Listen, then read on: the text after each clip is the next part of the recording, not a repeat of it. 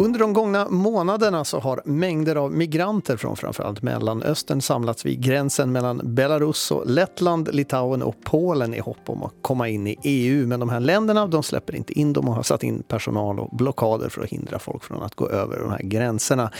Vilket innebär att många sitter fast då i någon slags gränsland. Eh, Lettland och Litauen har i princip sagt att det finns ett tryck, men de har saken under kontroll. Den mest kritiska punkten däremot, den finns i Polen, så vi ska försöka hålla vårt fokus där.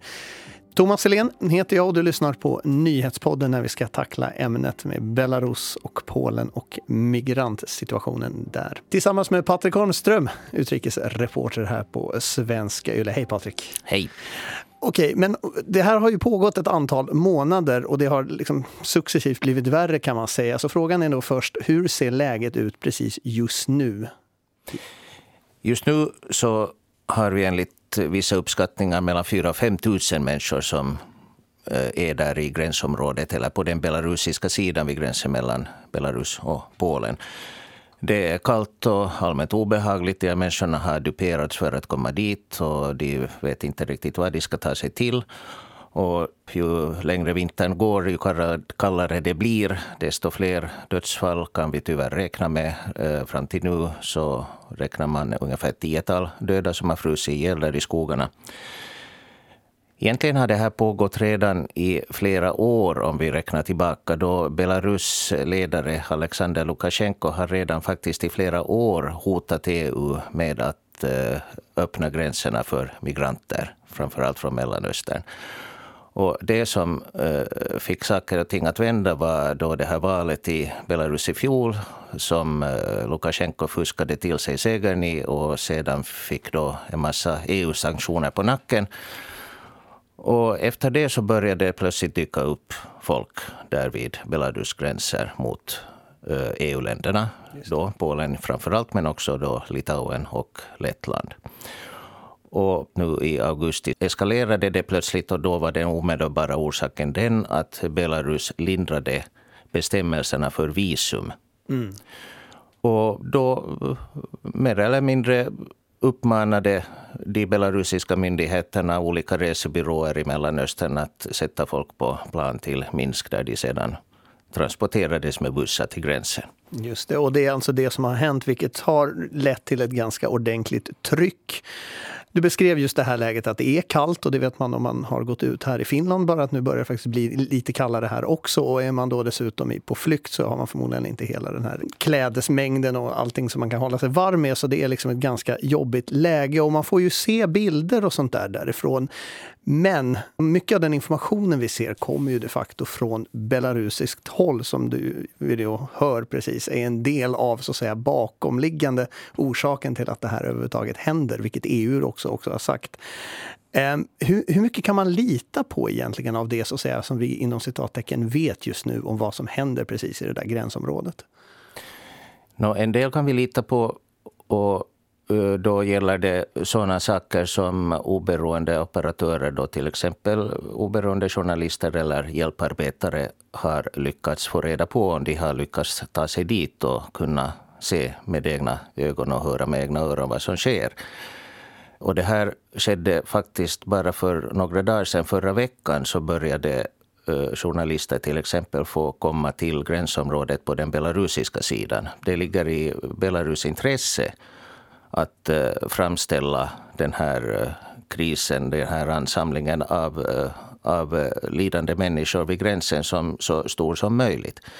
För att i det belarusiska narrativet så är då EU ett skenheligt block. Länder som visserligen med ena Eh, å ena sidan talar om eh, rätten till asyl och mänskliga rättigheter och beskyller Belarus för de mest eh, förfärliga brott mot de mänskliga rättigheterna. Men sen å andra sidan då det dyker upp människor i nöd vid EUs gränser så säger man nej, sticker ifrån. Det är en slags shaming helt enkelt av, av det, EU? Det är just vad det är frågan om. På den polska sidan av gränsen så där har Polen upprättat en zon på ungefär tre kilometer längs med gränsen och mm, inga, inga journalister eller hjälparbetare får komma in dit. Varför då? Var ligger det, varför ligger det i deras intresse att inte visa då den andra sidan?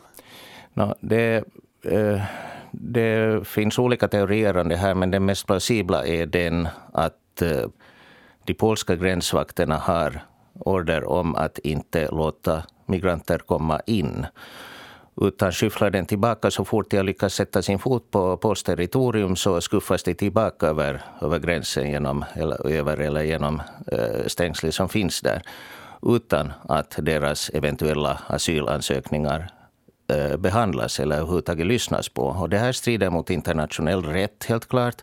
Och det här vill då kanske Polen inte att eh, ska komma fram i dagen. Vi ska återkomma till just Polen för de har en väldigt så att säga, specifik sits i den här konflikten. Eh, men du nämnde EU här också och det var ju ganska så här vaga signaler i början när det här liksom började trappa upp från EUs håll. Man visste inte riktigt hur man skulle liksom förhålla sig till läget, man avvaktade. Nu har man väl i princip sagt att man stödjer Polen helhjärtat, man har deras rygg. Men, men vad mer specifikt är det man stödjer med? Är det liksom bara politisk hurra eller är det pengar? Vad, vad är det? Ja, alltså, då EU diskuterar sanktioner mot Belarus så är det ett ganska säkert eh, objekt för eh, sanktioner. Man behöver inte vara så jätterädd för olika, olika hämndaktioner annat än den vi nu ser. EU har försökt eller föreslagit för Polen att man ska eh, ställa upp med mera Frontex-styrkor, till exempel eh, alltså då EUs gränsbevakningsstyrka som är till för sådana situationer bland annat. Men Polen har sagt nej, att det här sköter vi själva. Och en av orsakerna som många pekar på är då att Polen inte vill att det ska finnas då en internationell styrka vid gränsen och bevittna vad de polska gränsbevakarna gör. Just det, lite som journalisten, den här zonen som man ville ha fredad. Ja, ja, ja. Man vill inte ha insyn. För att om Frontex eller FN-personal är vid gränsen så då måste de tillämpa uh, internationell rätt till punkt och pricka. Men det här vet vi inte. Det ska vi genast framhålla att det här vet vi inte, utan det här är spekulationer. Mm.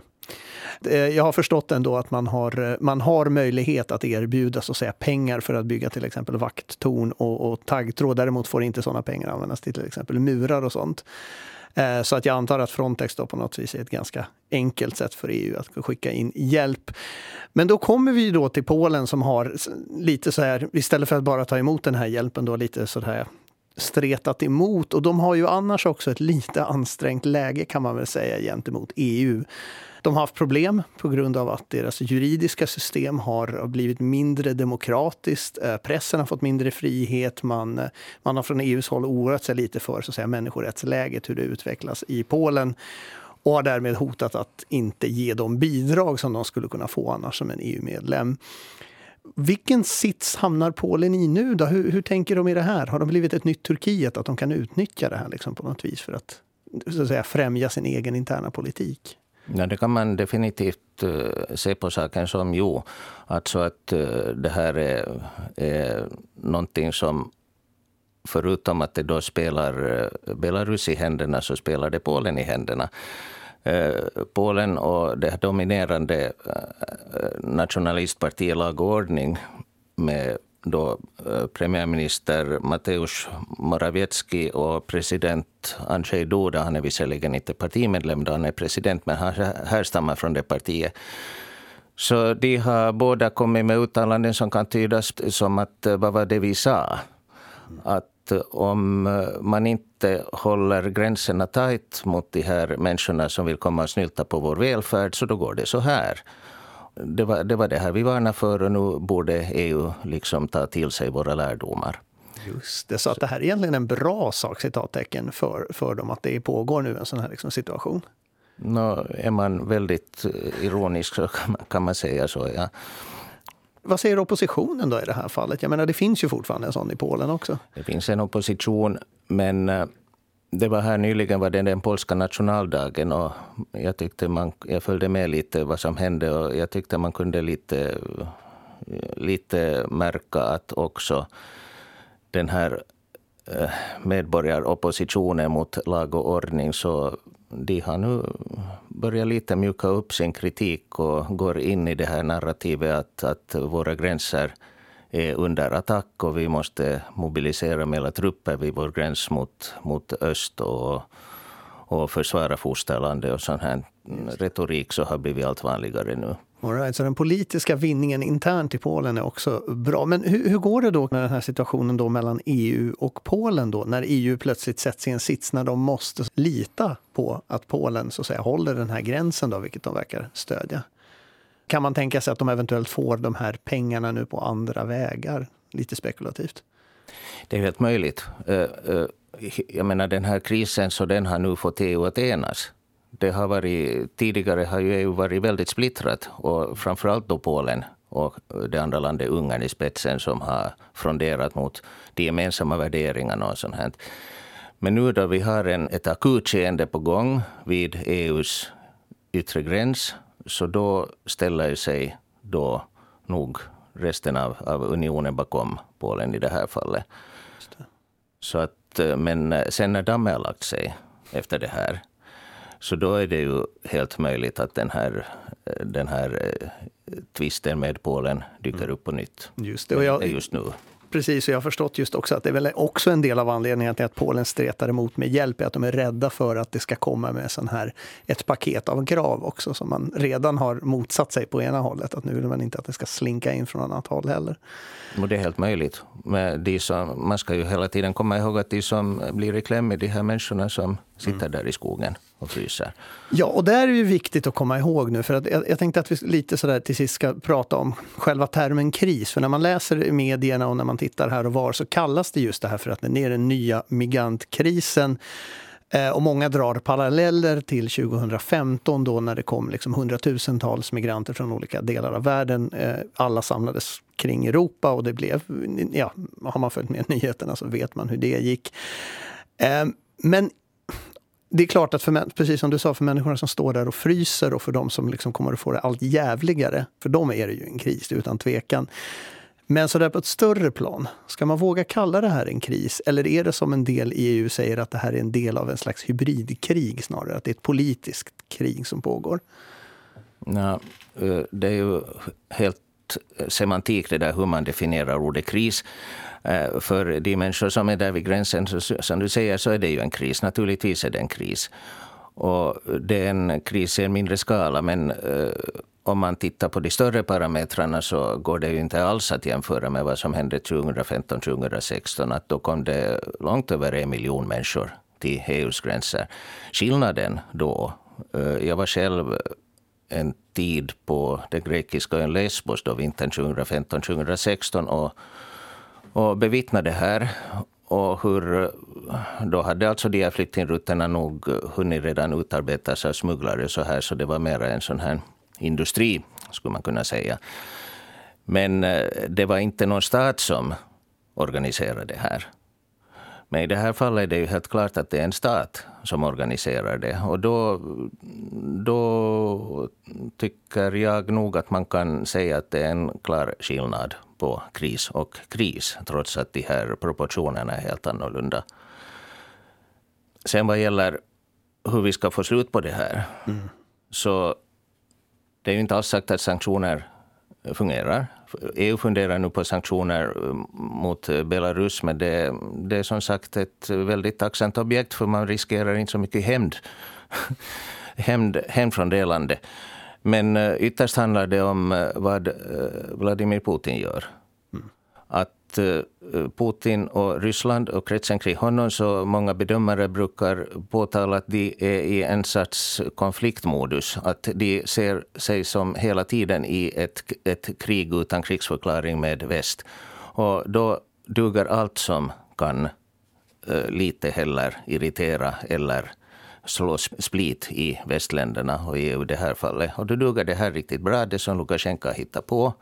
Somliga påstår att det är Putin själv som står bakom idén, men det, det vet vi ingenting om.